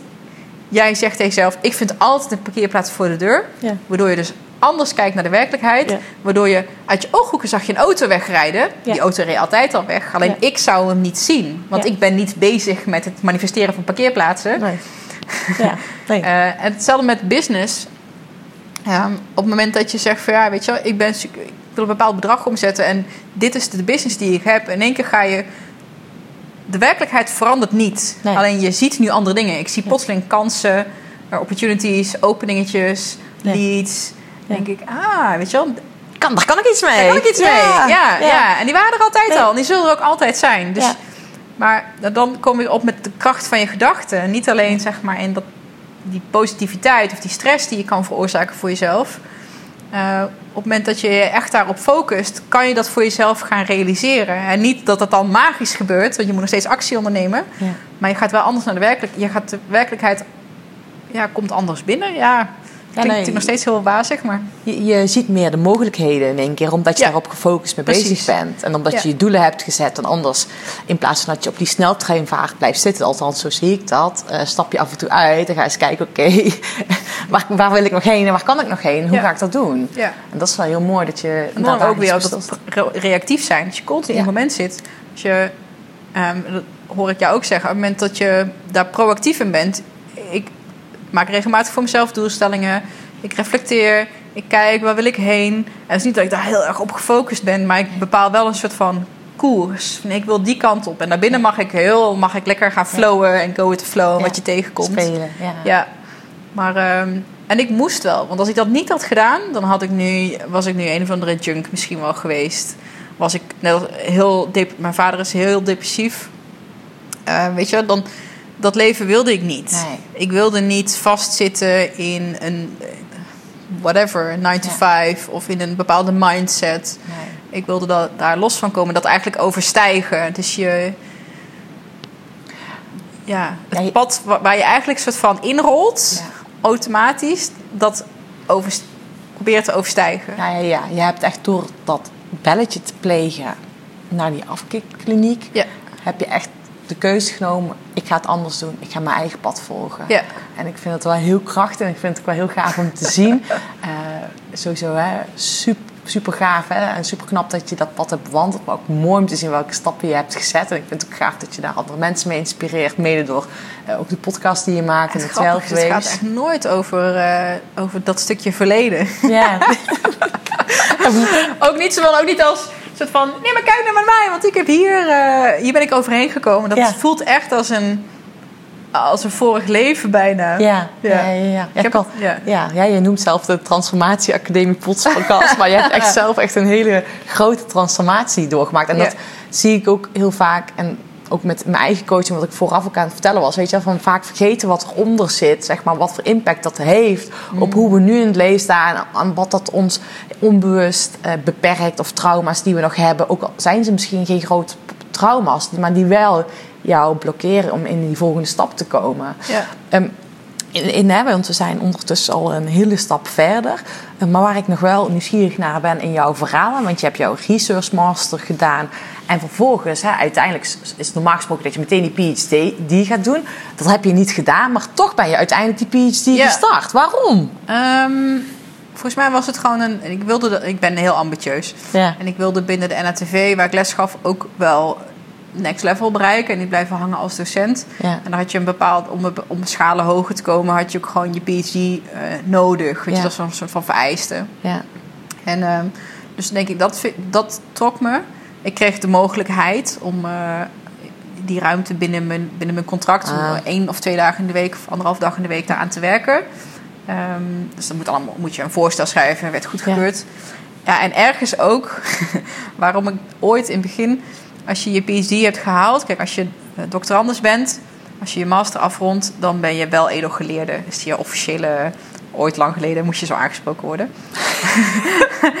Als je je PhD haalt, ja, dan werd het wel edel zeer geleerde. Oh, Nou, dat wilde ik. Ja, dat, Edel zeer. Edel zeer geleerd. wel edel zeer geleerde. Geniaal. Ik ben blij dat ik jou zo niet kan hoef aan te spreken. En ik kan heel te lachen. Juist omdat het zo ontzettend triviaal en oppervlakkig is. Maar daarom des te komischer, vind Ja. ik. Ja. En ik dacht, ja, weet je, ik wil wat bereiken in het leven. Ja.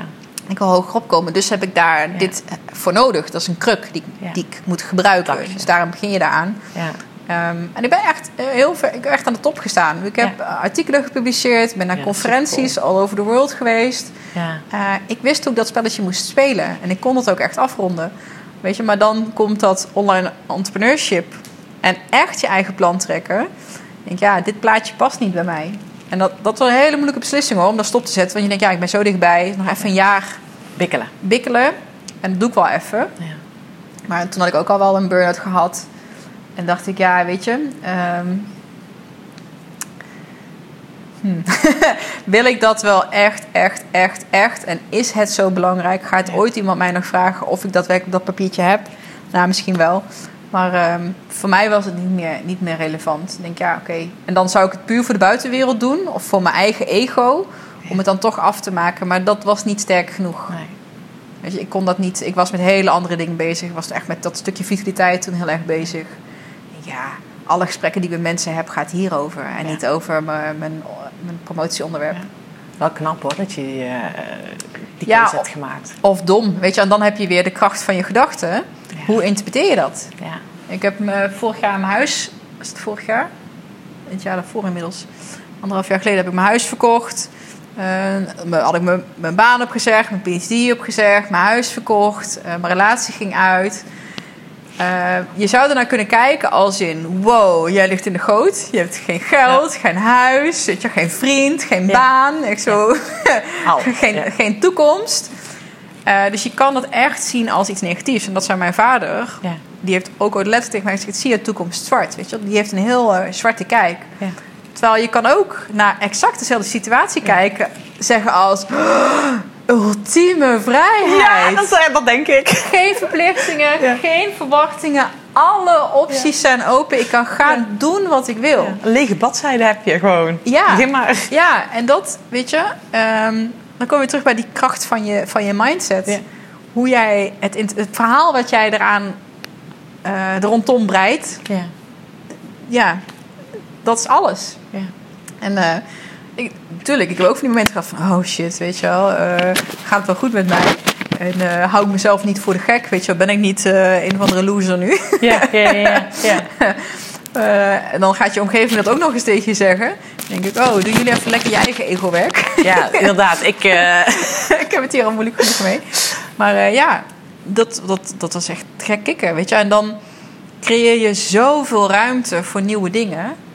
Ja, en Want ik, gaat- en ik heb echt een heel positief wereldbeeld wat dat betreft. Het universum is voor jou en niet tegen Nee. jou. Ja. En eh, alles is perfect zoals het gaat. En alles loopt zoals het moet lopen. En als ik dat nooit had gedaan, dan was ik hier nu nooit gekomen. En zelfs met dat pesten en dat drugsgebruik en al, alle andere obstakels die er zijn geweest. Ze waren allemaal noodzakelijk en prachtig en geweldig en eh, eh, in mijn voordeel. Ja, mooi is dat. Ik, zo zie ik dat zelf ook Ja. altijd. Dat vind ik wel ja, heel mooi, want dat brengt je gewoon heel ver. En ja, Ja. moet je ze nou zien zitten. Ik bedoel, Ja, maar, Ja. en zelfs nu, hè, aan de andere kant kan je ook zeggen, ja, je zit anti-kraak. Ja. Weet je wel, je kan, je, je kan, maar je kan het heel pessimistisch bekijken. Maar ik wil dat gewoon bewust niet. Nee, dat Ja. snap ik. Want en dat merk ik zelf ook. Want ik, heb, ik ben op een boerderij opgegroeid. En nu woon ik ja, echt rete mooi. Maar dat heb ik lange tijd niet kunnen zien. Omdat ik, ik woonde in een wijk. Weet je wel, gewoon supermooi huis in de wijk. En dat ik heel lang dacht, ik woon in een wijk. Waar ik de buren hoor eh, als ik buiten zit. Ja. kon ik heel lang niet.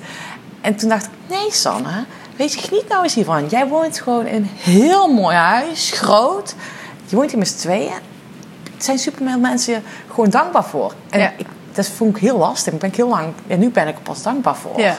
En het is bizar, hè? weet je, van denk ik, het is ook gewoon mindset. Mijn interpretatie van de werkelijkheid. Het is niet normaal. Niet iedereen woont op een boerderij. Dat zou iedereen misschien wel willen, maar ja, dat moet financieel ook haalbaar zijn. En er zijn mensen die vinden het verschrikkelijk. Om daar te wonen, ook Ja. nog. Ja, om dat zoveel rust te ervaren. Ja, zo ook al die stilte Ja. en eh, Ja. er gebeurt niks. En ik moet heel lang rijden. Moet ik, eh, Ja. ik kan niet even naar de supermarkt lopen. Nee, ja, hier is het inderdaad heel rustig. Ja. Hey Jeanette, waar ik nog heel nieuwsgierig naar ben. ehm, ik kwam hier naar binnen lopen en daar stonden een hele Oh ja. hoop kettlebells. Sporten. Ja. Sporten. en ik weet dat je ook in Porto recent bent geweest voor het Euro- Europese kampioenschap. Daar heb ik super vette dingen gedaan. En je zei net ook al tussendoor, hè, van ik ben- bij het vitaliteit terechtgekomen, een stukje qua voeding. En volgens mij was het op dat moment ook een stukje bewegen dat je daar Ja. aanmerking mee komt. Hoe ben je uiteindelijk vanuit eh, bij het fanatieke sport, het chubby voelen, fanatiek sport, Ja. uiteindelijk Euro- Europese kampioenschappen staan en Wereldkampioenschappen zelfs, twee keer. Wereldkampioenschappen, Ja. ja, ver, ook ver weg, ja. Ja. Ehm, ik ben met, even kijken, CrossFit. Of ja, niet eh CrossFit, maar Strength and Conditioning begonnen. eh, toen ik in mijn burn-out van, van het lesgeven eh, in Amerika zat, kwam ik daar met CrossFit in aanraking. Oh, dat is cool. Ehm, dat is 2009 of zo. En toen was dat niet op heel veel plekken. En toen ben ik dat gaan, gaan trainen. Ehm, daar heb ik ook Mike leren kennen. En toen zijn we Love Fit Food gestart. En dacht ik, oh, met zware gewichten, dat is wel echt heel erg leuk. Want ik deed wel eens een beetje aan hardlopen. Ja. Want afvallen moet je hardlopen. Ja. En daarvoor was ik een paardenmeisje. Weet je, maar Ja. dat was niet Oh, om te sporten. Maar dat was gewoon dat ik dat echt... En dat heb ik echt Ja. twaalf jaar gedaan of Oh, zo. cool. Dat wist ik helemaal niet, paardenmeisje. Ja, ja, ja, ja, ja, ja. Als je op een boerderij eh, vandaan komt. Ik was echt... Ik, eh, mijn oom en tante in Duitsland woonden op, niet een boerderij, maar wel echt een boerendorp. Ja. Dus een vrijstaand. En die waren honden, kippen, weet je wel. Mijn nichtje had twee ponies. Ja, echt, echt heel klein boerengehuchtje, gewoon platteland. En daar was ik altijd super jaloers op. We gingen elke zomer daar zes weken heen. Dan liep ik met twee emmertjes. Weet je. Ik was eigenlijk gewoon in mijn, in mijn, in mijn ziel. Ja. Wilde ik ook eh, boeren, boerderij. Nou, paardrijden. Ehm, maar niet echt verder iets aan sport. Ja, een beetje hardlopen. En toen begon ik dus met dat, eh, die krachttraining. Ik dacht, wow, dit is echt te gek. Weet je, wat ze nu CrossFit dan? Of strength and conditioning. Weet je, gewoon zware squats en deadlifts. En met een beetje strongman-achtige training. Oh, ik vergeet eh, gewoon niet. ik heb, en daartussenin, voordat ik met die burn-out had, klom ik heel fanatiek. Oh ja. Ja, en dat is ook een stukje mentale uitdaging.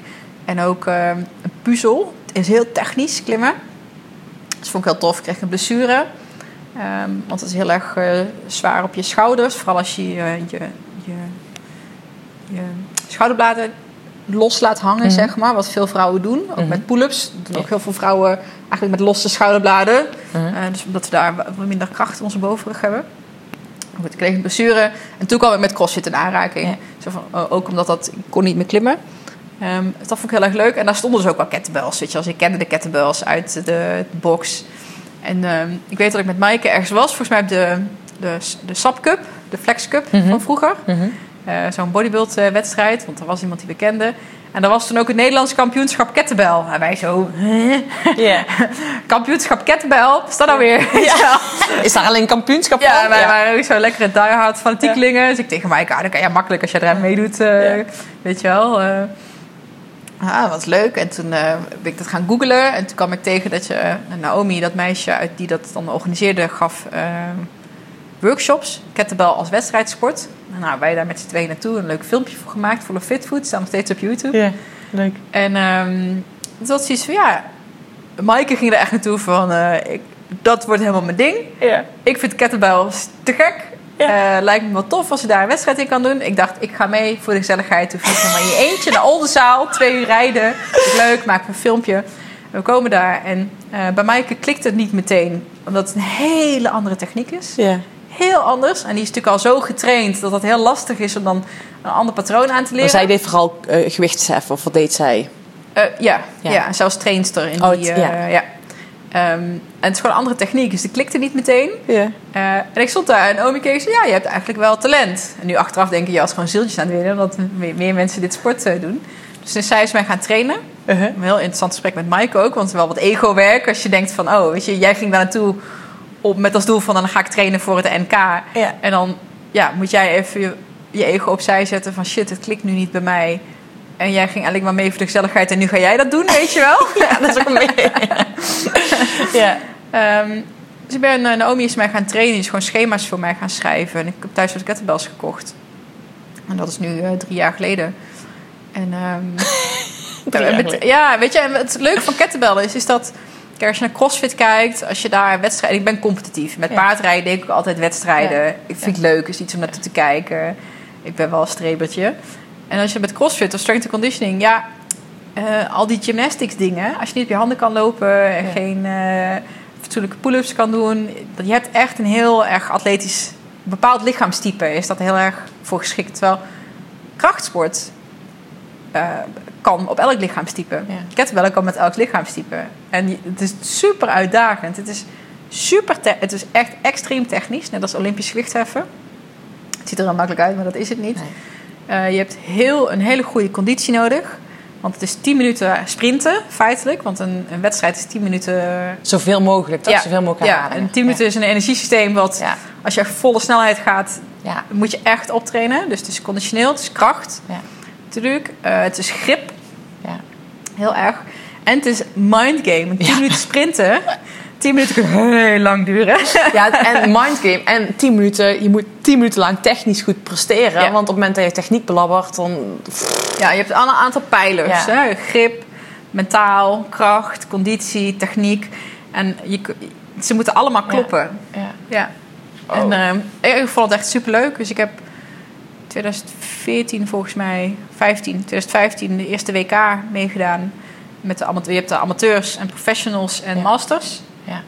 En toen met de amateurs, nou de professionals, dan zit je tussen de Russen. En eh, weet je, als het dan over doping gaat, we hadden het er straks eventjes over. Ja. Ja, weet je, dat, daar, dat, die haal je nooit meer in. Nee. Nooit.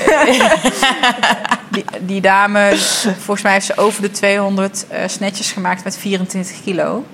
In 10 minuten. Nou, ik, de hoeveelheid die zij kan, kan ik ook. Ik kan dezelfde aantal repetities maken, Ja. maar met 16 kilo. ja. Niet met 24 Niet 24 kilo. Ja, dat is echt insane. Ja. Dus ehm, vorig jaar twee keer goud op het Europees kampioenschap. Cool. Dit jaar ook goud op het Europees. Cool. Ehm, en vorig jaar wereldkampioenschap. En dan bij de veteranen dan. ja. eh, allemaal. Ja. Zilver. Ehm, ja, weet je, maar het is, Cool. een, het is een kleine sport met Ja. kleine... eh is het gewichtsklasse in en dat is met Olympisch gewichtheffen. Dus weet je, er is niet superveel competitie. Nee. Maar als je kijkt naar je score, denk ik, je, je staat er wel. Ja. En je scores zijn goed genoeg. Ja. Eh, ook als je kijkt naar, eh, ook binnen andere gewichtsklassen en zo. Dus ja, ik ben er wel echt wel fucking trots op. Ik wou net zeggen, want Ja, de- ja, je moet je prestatie niet Nee, tekort nee, doen. maar want, soms- ja. Weet je, als er weinig mensen meedoen, denk ik, ja, van, je hebt, je hebt van vier mensen gewonnen. Nee, maar dan hadden ze maar moeten komen. Want dat had ik vroeger ook met wedstrijden. Ja, eh, ja maar er stonden die en die niet aan de start. Ja, hadden ze moeten komen. Weet je, je hebt gewoon gewonnen. Hup, gewoon tevreden mee zijn. En het is gewoon, weet je, je bent ergens naartoe aan het werk. Je bent aan het trainen, je bent fit. Dus Je kan daar niet ongetraind staan. Nee. Ik bedoel, eh, nee. ik kon de eerste keer snatchen. Ik weet nog dat we een minuut of twee minuten stonden. Ja. Echt daar. Hoe, hoe kan je dit in de hemelsnaam 10 minuten doen? Ja. En dan leer je dat en dan weet je van, oh, en nu doe ik er eh, 160. Ja. Hoe ga ik naar 220? Ja. En dan doe je dat één minuut aan het hogere tempo. En denk je, oh, Ja. ik ben kapot. Weet je, dat elk stapje, daar moet je zo hard voor vechten om sterker en sneller en dan consistenter. En technischer en je moet ook echt helemaal stilstaan. Ja. Dus er zijn continu schaven, schaven, schaven, schaven, schaven tot, tot waar je dan komt. En hoe lang ben je daarmee bezig? Of hoe ziet jouw wedstrijdvoorbereiding er dan uit? Eh, ja, en dat is wel heel cool. Want ook toen ik dus mijn huis had verkocht, ben ik eh, een paar maanden gaan reizen. Ik had gewoon vier kettlebells achter in de auto. Ja. En ik deed wat aan hardlopen en ik deed dan eh, drie keer in de week kettlebell training. Ja, van max een half uur. Uh-huh. En dat is genoeg. Zo. Ja. En les, meer is niet beter, Nee. beter is beter. Ja. En dat is met dit ook. Ik. Als ik kijk naar mijn huid, ik kan niet elke dag kettlebells Nee. eh, optillen. Want dan verlies dan ook, weet je wel, dat is natuurlijk slechte techniek als je heel veel blaren hebt. Maar die huid moet wel genezen. Ja. Eh, spierpijn moet ook genezen. Adaptatie vindt plaats in rust. Ja. Dus eh, Ja, dat, dat is de tour win je in bed. Bekende uitspraak. Maar ik, dit vind ik wel mooi trouwens. Ja, die heb je die nooit. Ja, Joop, Nee, nee. zit natuurlijk niet in de wielersport. Maar Nee. Joop, Joop die heeft het wel eens gezegd. De Tour win je in bed. Van dat herstel gewoon een van de belangrijkste factoren is. En als ik naar mijn eigen sporten zie, ook ik rust nu heel veel. Maar destijds tijdens mijn sportcarrière heb ik te veel, te hard gesport. Waardoor Ja. ik heel heftig geblesseerd ben geraakt. En dat kan je ook vertalen met het dagelijks leven en je werk. Weet je. We kunnen allemaal volle bak knallen. Maar af en toe is het juist ook heel belangrijk om Jazeker. weer je batterij op te laden. Ja, ja, absoluut. En wat is next? Met je sport en business? Wat staat er op de, op de planning? Ehm, nou, eigenlijk gewoon doorgaan met waar ik nu mee bezig ben. Dus vanaf januari gaat echt 100% van mijn focus naar 12 Waves. Dus die, eh, ik geef ehm, trainingen, masterclasses in, in het bedrijfsleven. En eh, dat wil ik verder uitrollen. Dus dat portfolio eh, uitbreiden. Dus met meer bedrijven, in meer academies komen te staan. En eh, dat, dat is echt gek. Dat doe ik samen met Michel Vos. Michel heeft de training geschreven. Mhm. Ik ben daar enorm fan van, van wat hij heeft gedaan. Ja. En dat dan verder uitrollen. Ik ben nu ook echt 50-50 partner daarin. Mhm. En daarnaast faciliteren we andere mensen met het runnen van masterminds. Cool. Ehm, nou, bijvoorbeeld een, een Carolien. En zo zijn er meer. Die start dan volgend jaar een jaarprogramma. Mhm, Een mastermind. En wat we daar bieden is eigenlijk de logistiek en de blauwdruk en de know-how. Soort van plug and play. Zo van, oh, het is gek dat je mastermind wil. We hebben een proof of concept. Een manier waarop je niet alleen de structuur kan aanbieden... maar ook echt een inhou- inhoudelijk programma wat je daaraan kan koppelen. Staat al. Ja. Ehm, en ik ben dus nu mensen aan het helpen om dat eh, op te starten. En dan natuurlijk de podcast. Ja. Ja, dat, is, ja, dat zul je zelf ook merken. Dat is echt zo'n verrijking van mijn leven. Ja. Dat is echt te gek. Het, het luisteren naar podcast en ook het zelf maken. Ja. Dat is echt eh, ontzettend mooi. ja, zeker weten heel erg mooi. Het is echt... eh, Ja. En ik zag ook... eh, je gaat, volgens mij staan er volgend jaar een aantal webinars op de planning. Ja, daar... ehm, Er zit- Er is hier ondertussen de bladblazer. maar dat horen de luisteraars waarschijnlijk ook. ja, die zal zo wel voorbij zijn. Ja, dat krijg je als je zo in het eh, bos woont. Dan moet je Ja. af en toe de bladeren even weggeblazen worden. Wel handig zo'n tuinman. Ja, dat is wel fijn. Ja. Dat wordt allemaal gewoon nog bijgehouden. Ja, die webinars, dat weet ik dus nog niet. Ehm,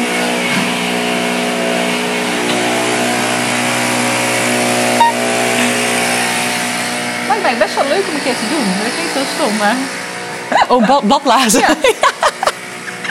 het bevredigend uit. Zo, Ja. poetsen. Lekker buiten zijn. Lekker, Ja. eh, dat lijkt me ook wel echt heel erg fijn. Ja, ik, ik wilde inderdaad webinars eh, geven. Omdat ik... ehm, ja, en dat ga ik misschien ook nog wel doen. Natuurlijk 12 heeft doen we in company. Ja. En eh, die masterminds helpen. Maar het is ook een online training. Ja. En het is de online training die... ik- Ja, ik even wachten. Die ik zelf heb gevolgd. En die voor, ja, sorry. Die voor mij echt de next step heeft gebracht in een stukje zakelijke groei. Want ik was natuurlijk met persoonlijke groei al bezig. En dat was heel fijn om ook eh, zakelijke doelstellingen Mhm. te maken. Dus ik denk dat ik nog wel webinars ga geven. Ook om dat wat meer onder de aandacht te brengen. Want er zijn ook mensen die niet ondernemer zijn. Ja. Of die niet in een managementteam zitten en met ons gedachtegoed in aanraking komen. Maar het is eigenlijk te mooi Ja. om het ook niet daarbuiten nog ehm, aan te bieden en, en over te vertellen. Ja. Super mooi. Ik Ja. denk dat je echt heel wat te vertellen hebt. Dus eh, ga Ja. daarmee. eh, er gaat spread the world. Zijn we al eh, op de tijd? ja, we zijn volgens Oh, mij op ja. de tijd. Waar ik nog mee eh, wil afronden. Ik wil ehm, jou een aantal zinnen voorleggen. Die mag je afmaken. Oh jee. Oh jee. Ik wens de wereld Vrijheid. vrijheid. Dat is mooi. Hè? Mijn droom is. Vrijheid wil ik zeggen, maar... Eh, oh, ehm, leven in overvloed. Leven in overvloed. Ja, en dan niet zozeer rijkdom, Mhm. maar gewoon het besef dat er altijd overvloed is. Dus Ja. niet in angst of in schaarste leven, maar juist in overvloed en liefde. Liefde, oh Ja. ja. ja. dat is wel heel erg mooi. En dat is natuurlijk ook gewoon om Dat- in die vibe te komen. Ja, ja. Eh, ik word het meest gelukkig van. Ehm, de momenten dat ik in flow ben. En dat kan van alles zijn. Dat kan het bouwen van een website zijn. Of nou, weet je, in, een, in een gesprek als dit. Ja. Ehm, dus momenten waarop ik eigenlijk mezelf een beetje vergeet. Mhm. Want dat is natuurlijk wat flow ook doet. ja. Ja. Mooi. Heel mooi. Ik Jezelf word meest gelukkig als ik... op momenten dat ik mezelf een beetje vergeet. Ja. ik, je zag al, ik ging hem ook opschrijven. en dan, maar dan moet ik ook meteen terug naar het stukje uitzoomen wat we net zeiden. Weet je wel, gewoon eventjes niet meteen in die, hè, aan de ene kant in die actiestand zitten, maar aan de andere kant ook even uitzoomen van oké, waar zit ik en hoe voel ik me? Dus dat. Hey Jeanette, dankjewel voor het mooie gesprek.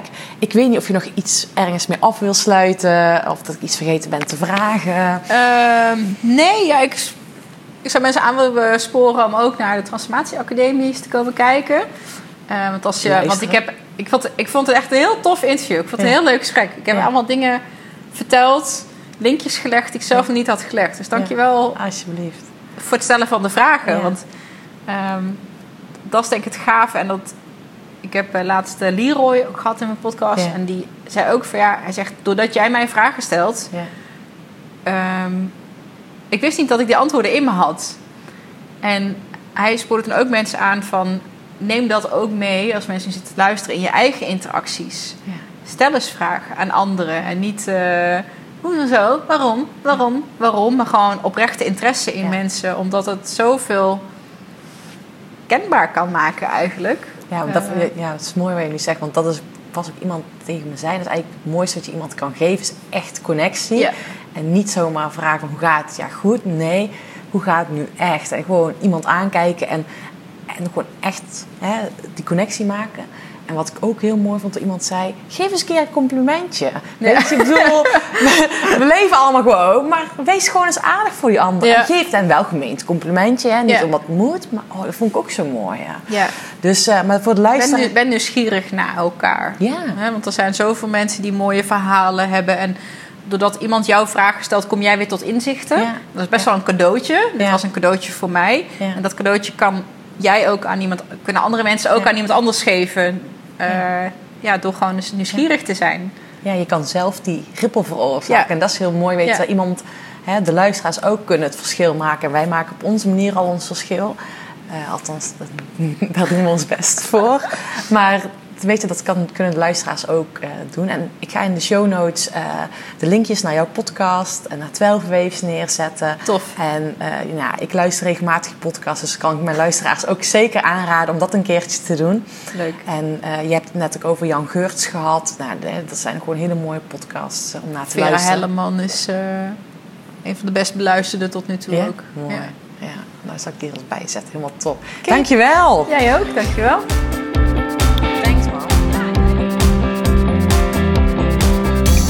Dankjewel voor het luisteren van deze podcastaflevering. Het was weer echt een... Nou, ik geniet zo van deze interviews. Dat horen jullie wel aan mij. Het was weer tof om Jeannette te spreken. En ook heel erg gaaf dat ik dit jaar start met een mastermind groep. Een groep ondernemers die ik een jaar lang ga begeleiden. Dus mocht jij nu zoiets hebben, ik wil hier graag mee aan de slag. Je weet mij te vinden en ik organiseer ook binnenkort een event. Dus zorg dat je erbij bent. Mocht je nieuwsgierig zijn, meer informatie willen om met mij samen te werken in dit jaartraject. Nou, laat even een berichtje achter. Ik stuur je hier even een link hoe je makkelijk contact met mij op kan nemen. En dan bellen we snel. Nou ja, ik wil je nogmaals bedanken. Fijne dag. Geniet van deze mooie dag, middag, avond, net wanneer je deze podcast luistert. En mocht je mij nog willen helpen, zou ik het enorm tof vinden als je mij 5 sterren review achter wilt laten. Dankjewel, fijne dag, doei doei!